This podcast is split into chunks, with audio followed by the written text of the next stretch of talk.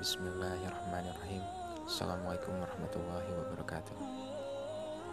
Kawan-kawan, di episode pertama ini Izinkan saya bercerita sedikit Tentang pandangan saya mengenai pandemi.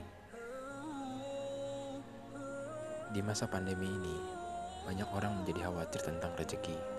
Yang bisnis banyak yang rugi Yang kerja banyak yang di PHK Dan lain sebagainya Lantas bagaimana sikap kita sebagai seorang muslim? Begini kawan-kawan, pandemi ini hadir pasti dengan izin Allah. Dan rezeki juga mutlak dalam pengurusan Allah. Dan Allah memiliki sifat yang maha adil. Ini yang harus menjadi dasar keyakinan kita. Rezeki dari Allah itu pasti tersedia. Tidak mungkin berkurang, apalagi jadi hilang karena pandemi. Tidak seperti perusahaan yang dengan mudahnya mengurangi gaji karyawannya, atau bahkan mem-PHK karyawannya.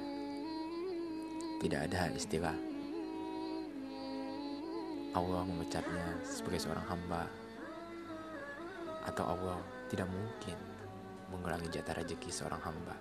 Itu pasti.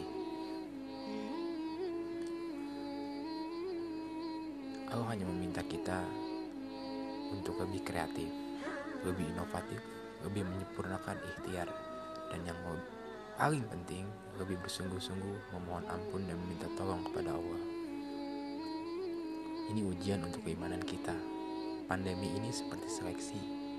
Mana hamba yang tulus dan mana hamba yang modus. Sekalipun sebenarnya Allah sudah tahu akan hal itu. Terima kasih. Wassalamualaikum warahmatullahi wabarakatuh.